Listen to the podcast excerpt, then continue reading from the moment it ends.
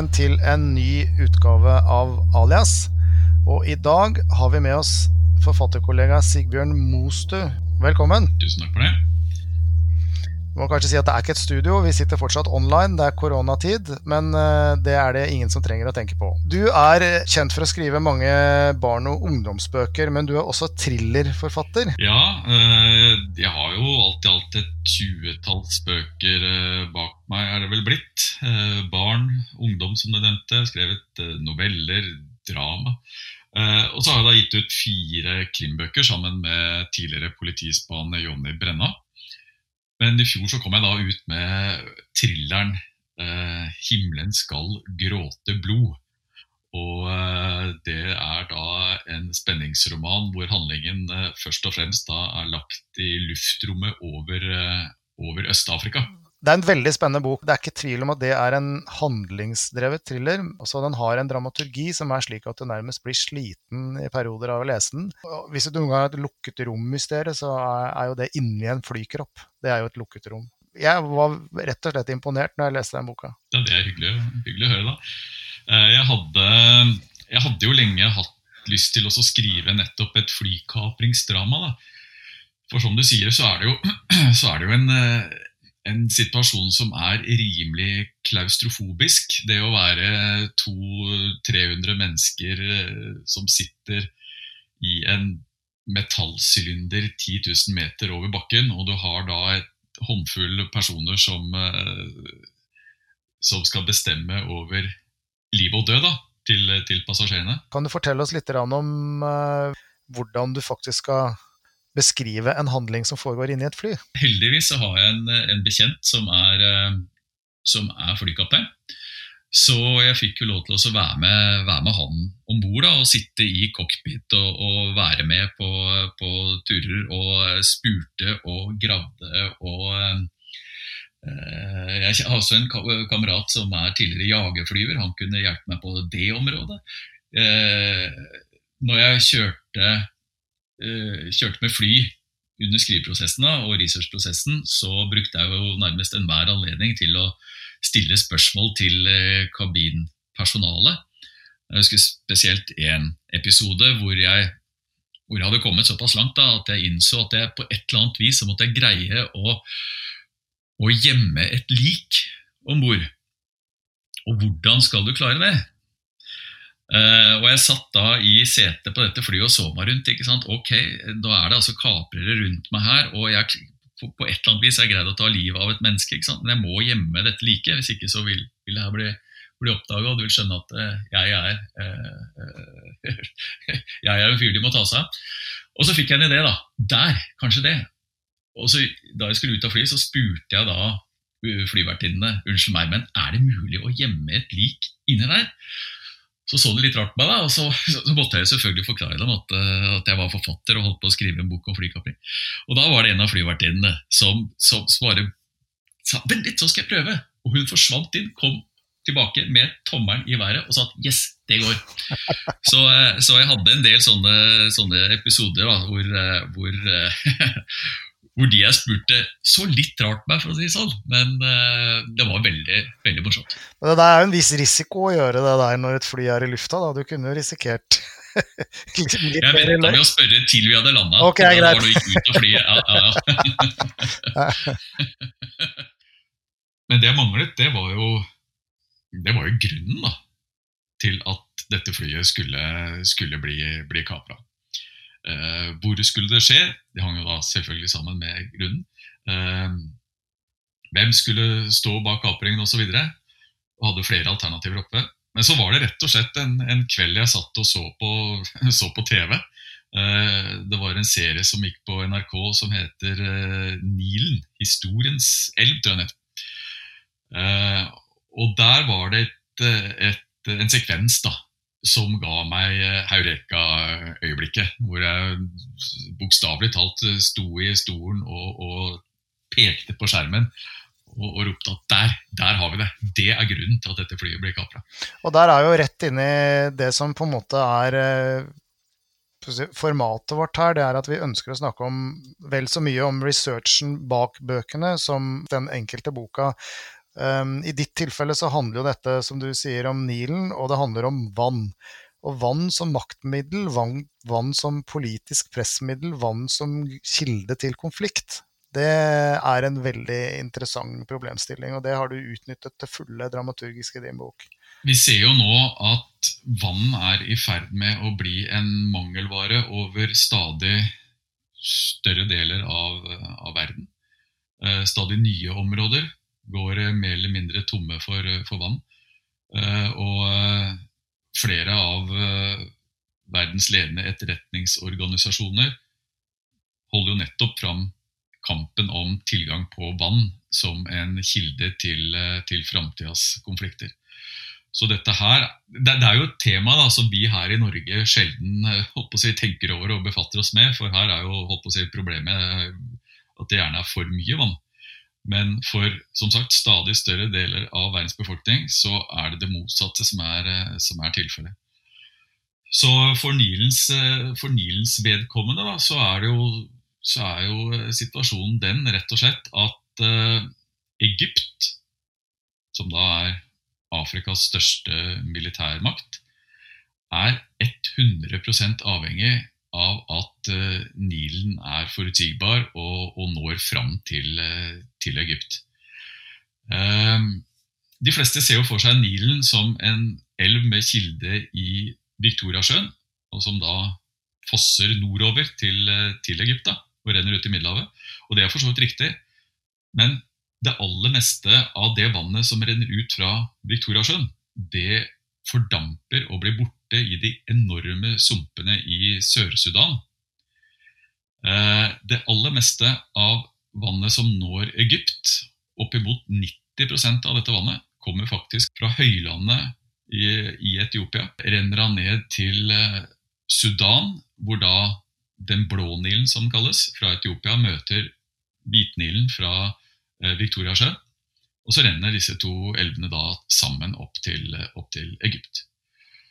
Eh, og nå er Etiopia i ferd med å ferdigstille det som blir Afrikas største demning.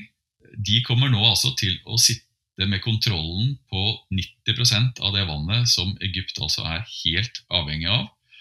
Dette er jo en formidabel trussel for, for egypterne. Og det er jo da bakteppet for, eh, for denne romanen min. Det er jo veldig aktuell problemstilling fortsatt. Eh, det var det når boka di kom ut, og så hadde vi fredsprisen også, som på en måte ga dette her en slags sånn bitter klangbunn.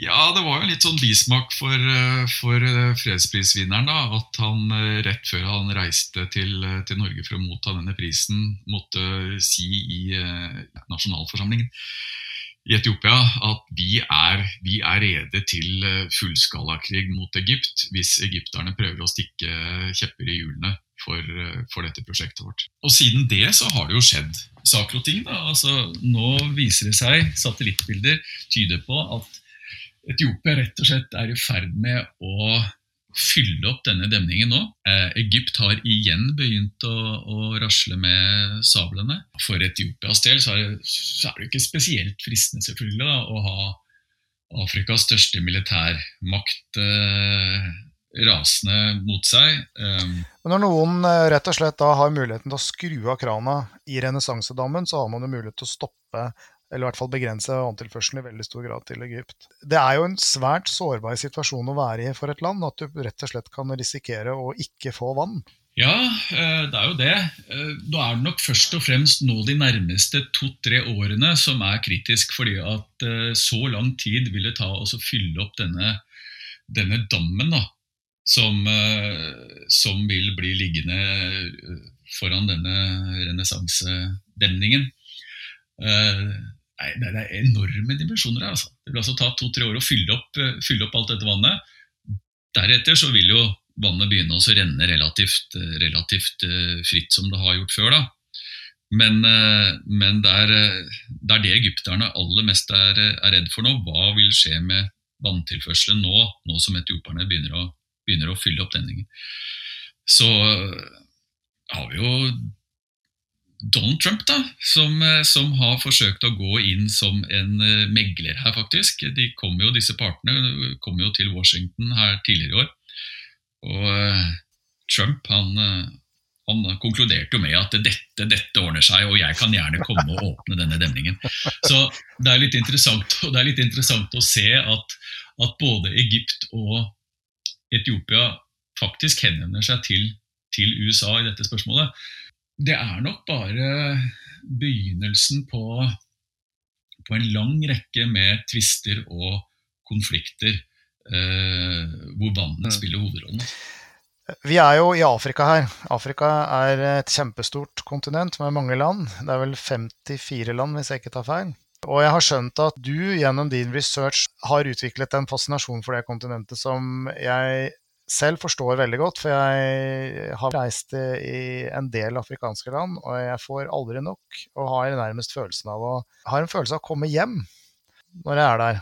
Dette kontinentet kryper under huden på deg. Det er kanskje bare noe jeg føler, men det er, en, det er noe helt spesielt. Og det er et fantastisk sted og et veldig, veldig variert uh, kontinent.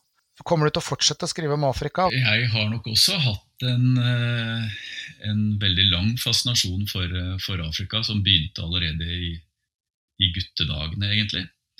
Eh, I likhet med mange andre, kanskje særlig, særlig gutter da, på min alder, så var jeg jo veldig fascinert av, av kanskje først og fremst tegneseriene om, om Tarzan. Og etter hvert også bøkene. da. Uh, I tillegg så var jeg dypt fascinert av, av, naturfilmene til kanskje særlig Sverre Fjelstad. Altså, han hadde jo mange norske naturprogrammer, men han reiste også ned til Afrika. og Jeg husker jeg var liten, altså jeg satt med nesa klistra til TV-skjermen og, og, og, fulgte med på hans eh, karakteristiske fortellerstemme. og, og det var så ekstremt eksotisk. da. Og denne fascinasjonen har som sagt holdt seg. Da jeg studerte, så hadde jeg et fordypningsfag i, i historie som, som, nettopp gikk ut på uh, Afrikas historie. da. Og jeg har vært og reist, uh, ikke så mye som deg, men uh, jeg har nå vært og reist noen ganger i Afrika, og jeg er enig. Jeg er dypt fascinert, men jeg er også litt jeg, ble også overraska over Hva skal jeg si? Nesten en sånn bunnløs øh, håpløshet. da. Jeg, jeg, jeg, visste jo at Afrika øh, sleit og sliter øh, mye med fattigdom, f.eks. Men samtidig så har det jo vært litt sånn fokus de siste årene på det her med at ja, men du må ikke bare se på nedsiden liksom, når det gjelder Afrika. Det er så mye spennende som, som skjer der. Så da jeg dro ned til Afrika første gang, så trodde jeg, jeg trodde at ting egentlig sto bedre til. da. Vi, vi, betrakter jo veldig ofte her i Europa så ser vi mot Afrika som ett sted, men ja. det er jo et gigantisk kontinent ja, ja. som er mye mye større enn vår verdensdel, og som består av mange forskjellige land. Mm. Og det er jo interne kulturelle forskjeller der, og det har vi en tendens til å glemme. Det er, for eksempel, det er jo veldig langt fra kan si, Marokko til Sør-Afrika er jo to helt vidt forskjellige nasjoner. og Midt imellom der så finner du jo både Kongo og Tsjad. Eh, du har Nigeria, eh, Angola. Det er veldig mange forskjellige steder med forskjellig kultur, forskjellige religioner. Mm. Eh, og de har veldig forskjellige forutsetninger for å si, ivareta normale menneskerettigheter, eh, økonomisk vekst, demokratiseringsprosesser etc. etc. Det, er, det, er jo, det er så stort og så voldsomt, egentlig. Det er det som på mange måter fascinerer meg også. Mm. Ja, ja. Du får jo plass til både hele USA og India og Kina og det aller meste av Europa inne på det afrikanske kontinentet. Så ja, det er nesten ubegripelig stort. Og mangefasettert, selvfølgelig. Uh, men igjen, Afrika er, eh, er, som de sier, det kryper innunder huden på deg. Og eh, jeg er jo ikke minst veldig fascinert av, eh, av den afrikanske naturen. da. Og, og, jeg kunne veldig godt ha tenkt meg å sett mye mer av den. Altså Det å komme seg ut på savannen og å se disse dyrene som eh, si, jeg hadde drømt om eh, siden jeg var liten. Det var faktisk magisk, det, altså, for, å bruke en, bruke en klisjé. Det var helt, eh, helt utrolig. Og, og, da vissheten om at dette dyrelivet nå er under et press og forsvinner, egentlig, rett foran øynene på oss, det, det skjærer meg i hjertet. Altså. Det er et helt unikt dyreliv og en helt unik natur og et økosystem på det afrikanske kontinentet. Og alle disse majestetiske, helt spesielle skapningene som bare finnes der, de, det er det som i veldig stor grad for oss i hvert fall da, identifiserer Afrika. Det er selvsagt alle menneskene også, øh, men vi har på en måte fått dette spesielle dyrelivet inn gjennom vår egen kultur også, gjennom film, TV-serier, naturfilmer som du nevnte. Og mange av oss har vært så heldige at vi får lov å reise dit og være på safari og se og oppleve dette her. Og det er jo som du sier, det er en magisk opplevelse som i hvert fall for min del så er det noe som sitter så sterkt i at jeg, jeg vil bare gjøre det igjen og igjen og igjen. Og tanken på at dette skal være borte, at dette skal forsvinne, den er vond.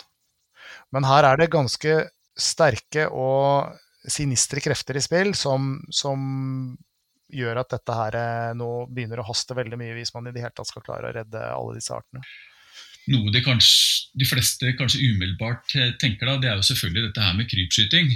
Eh, og det er jo et, et gigantproblem. Jeg leste akkurat nå nylig at i forbindelse med, med koronapandemien så, så, har det jo, så har jo det sluttet å komme turister til Afrika.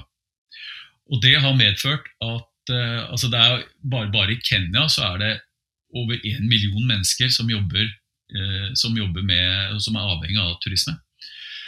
Og Det som skjer nå, det er jo at folk i, i desperasjon, rett og slett for å få seg mat, uh, begynner å gå løs på dyrelivet i, ute, på, ute på savannen. det blir nå skutt store mengder med gaseller, antiloper, sebraer osv. Um, og så har du da selvfølgelig denne klassiske krypskytingen, da, som eh, går mest utover ikoniske dyr som, uh, som neshorn uh, og elefanter. Uh, og det er jo uff, altså jo, jo, mer jeg graver i dette her, jo, jo mer motbydelig og, og, pervers blir det. altså. Så ta neshorn, for eksempel. Da. Så er det jo de fleste vet sikkert det, at grunnen til at neshornet jaktes på, det er at man i østlig tradisjonell medisin hevder at pulverisert horn fra neshorn eh, det kan kurere alt fra impotens til, til, kreft. Og det siste nå, det er jo at eh, disse, disse som handler med, med disse neshorna, eh, de påstår at det kan også kurere covid-19 det er jo selvfølgelig bare tull. Du kan like gjerne spise neglene dine. Det er akkurat eh, det samme stoffet i neglene som i disse neshornhorna. Men det mest perverse oppi dette her er jo at jo færre neshorn det blir, jo høyere blir prisen på disse hornene. Og jo høyere prisen blir, jo flere neshorn blir skutt. Og nå er prisen på disse, disse hornene da, fra, fra, fra neshorna er nå høyere enn gull. Og det sier litt. Da. Eh, når det gjelder elefanter, så, så er situasjonen den at uh, altså Elefanter blir jo da jaktet på først og fremst fordi at elfenbena blir brukt som uh, til, til, utskjæring. da. Det er statussymbol, i, ikke minst i Kina, å ha utskjæringer av, av elfenbein. og det skytes nå en elefant hvert 20. minutt i Afrika. Og da er det bare å telle opp hvor mange ville elefanter finnes, og så regne seg fram. Og da kommer du fram til det svaret at uh, elefantene vil være utrydda fra naturen med den hastigheten vi har nå på krypskyting, om 10-20 år. Da er elefantene borte. Uh, det er enda færre sjiraffer enn elefanter. Eh, det finnes bare 7000 geparder igjen på hele det afrikanske kontinentet. Så jeg, jeg, jeg, jeg, føler liksom sånn at det, det, det, er, nesten ikke til å leve med å ha den vissheten om at disse ja, ikoniske dyreartene kanskje skal være borte altså, når uh, mine barnebarn f.eks. Skal, skal, skal vokse opp. Skal vi sitte på sengekanten deres og fortelle at se her, her har vi et bilde av et dyr som het elefant, som fantes da jeg var liten? Men som nå er borte. Her har vi gepard, her har vi løve osv. Vi tok rotta på dem, alle sammen. Jeg syns det det er helt grusomt å, å, tenke på. Så, så jeg forsøker å gjøre, gjøre, gjøre, mitt med det. da. Jeg er bl.a. på en sånn ja, turné med Den kulturelle skolesekken sammen med en tidligere FN-direktør for klima, Svein Tveitdal. Vi prater om dette her, både klimaendringene og naturen som, eh, som forsvinner foran eh, øynene på oss. Eh, og så bestemte jeg meg for, underveis i skrivingen av 'Himmelen skal gråte blod', at jeg måtte skrive en bok til som har den samme hovedpersonen som i bok nummer én, Even Sturu. Men nå er det nettopp denne, denne krypskytingen og, og, situasjonen for dyrelivet i Afrika som, som uh, det skal dreie seg om. Da. Og Midt oppi dette her, eh, så må vi nesten se litt nærmere på Kina også. Hvordan de har fått et veldig solid fotfeste på det afrikanske kontinentet. Du nevnte jo tidligere at dette ulovlige markedet for nesehorn og elfenben i veldig stor grad kan konsentreres til Øst-Asia, Kina, det er også Vietnam, noen grad Thailand. Hongkong er en hub for omsetning, har jeg forstått.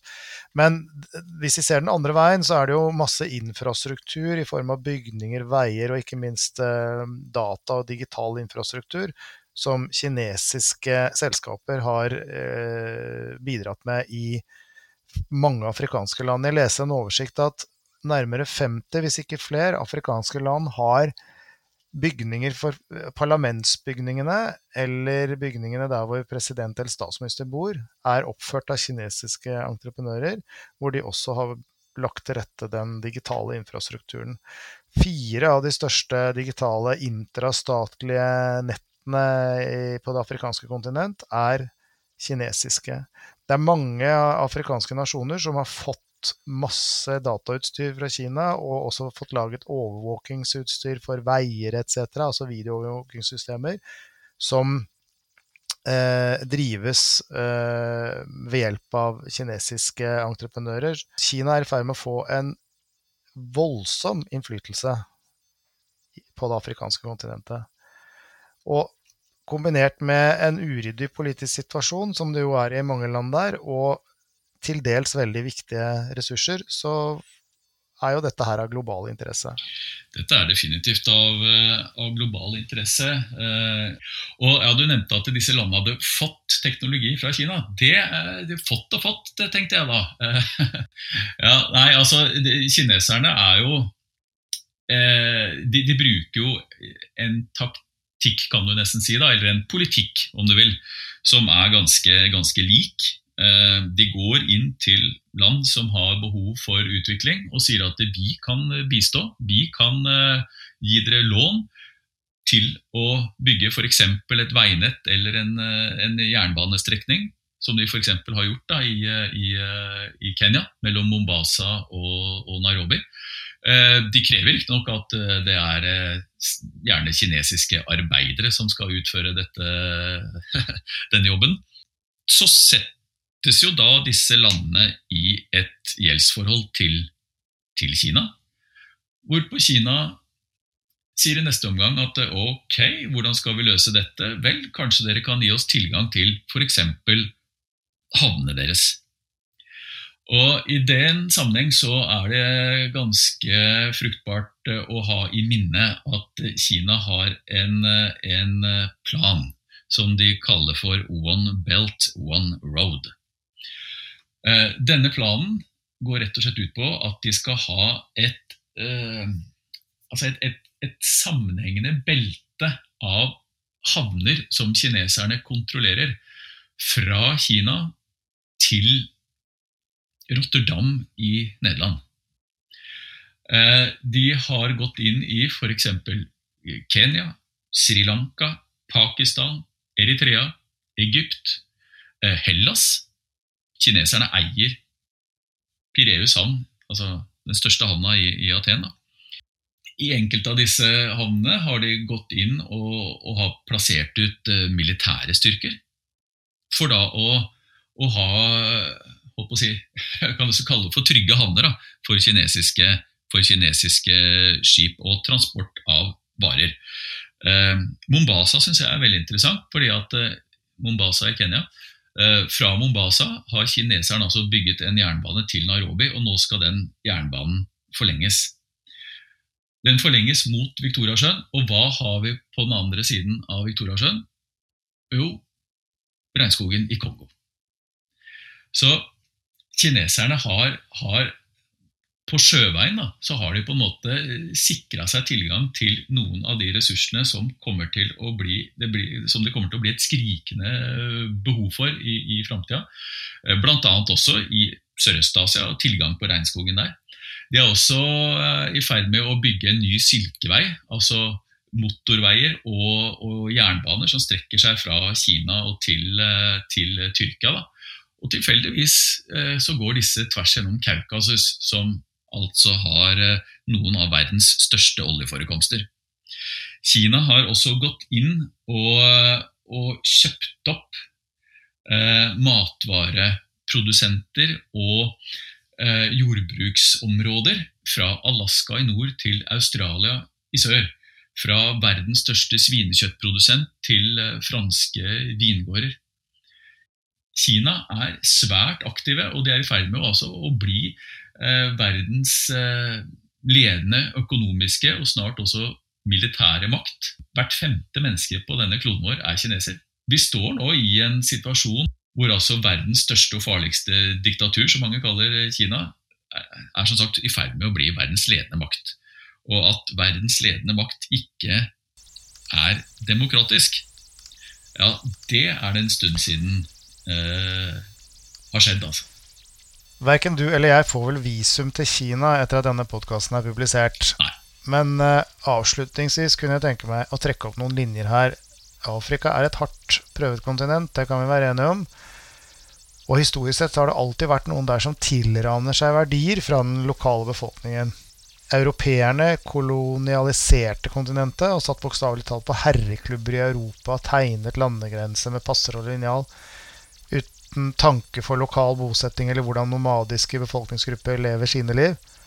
Og hele tiden har det vært snakk om ressurser, mennesker under slavetiden, gull, elfenben, mineraler, olje osv. Og, og fortsatt er Afrika et enormt rikt kontinent, men nå er det et nytt herrefolk som gjør sitt inntog kineserne.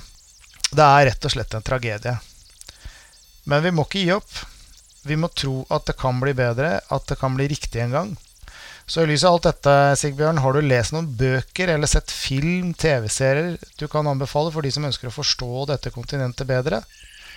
Ja, øh, det, er jo, øh, det er jo blitt relativt øh, nylig gitt ut en bok som rett og slett heter 'Afrika', av Tore Linné Eriksen. Som har et ganske vidløftig prosjekt, nemlig å fortelle hele Afrikas historie fra de første menneskene og, og til i dag. Og jeg syns jo han eh, langt på vei lykkes i det. Eh, jeg syns det har blitt en, eh, en, veldig god, en veldig god framstilling av, av, Afrika på mange måter. En ganske annen synsvinkel på, på de problemene som Afrika sliter med, føler jeg at du får fra en annen bok som også kom ut for ikke så jeg tror det var i fjor, eh, som da heter eh, 'Vi som eh, elsket Afrika', av Gunnar Kopperud. En mangeårig, en mangeårig utenrikskorrespondent som, som, har fulgt flere av de si, mest kjente og, og, verste konfliktene på det afrikanske kontinentet de siste årene.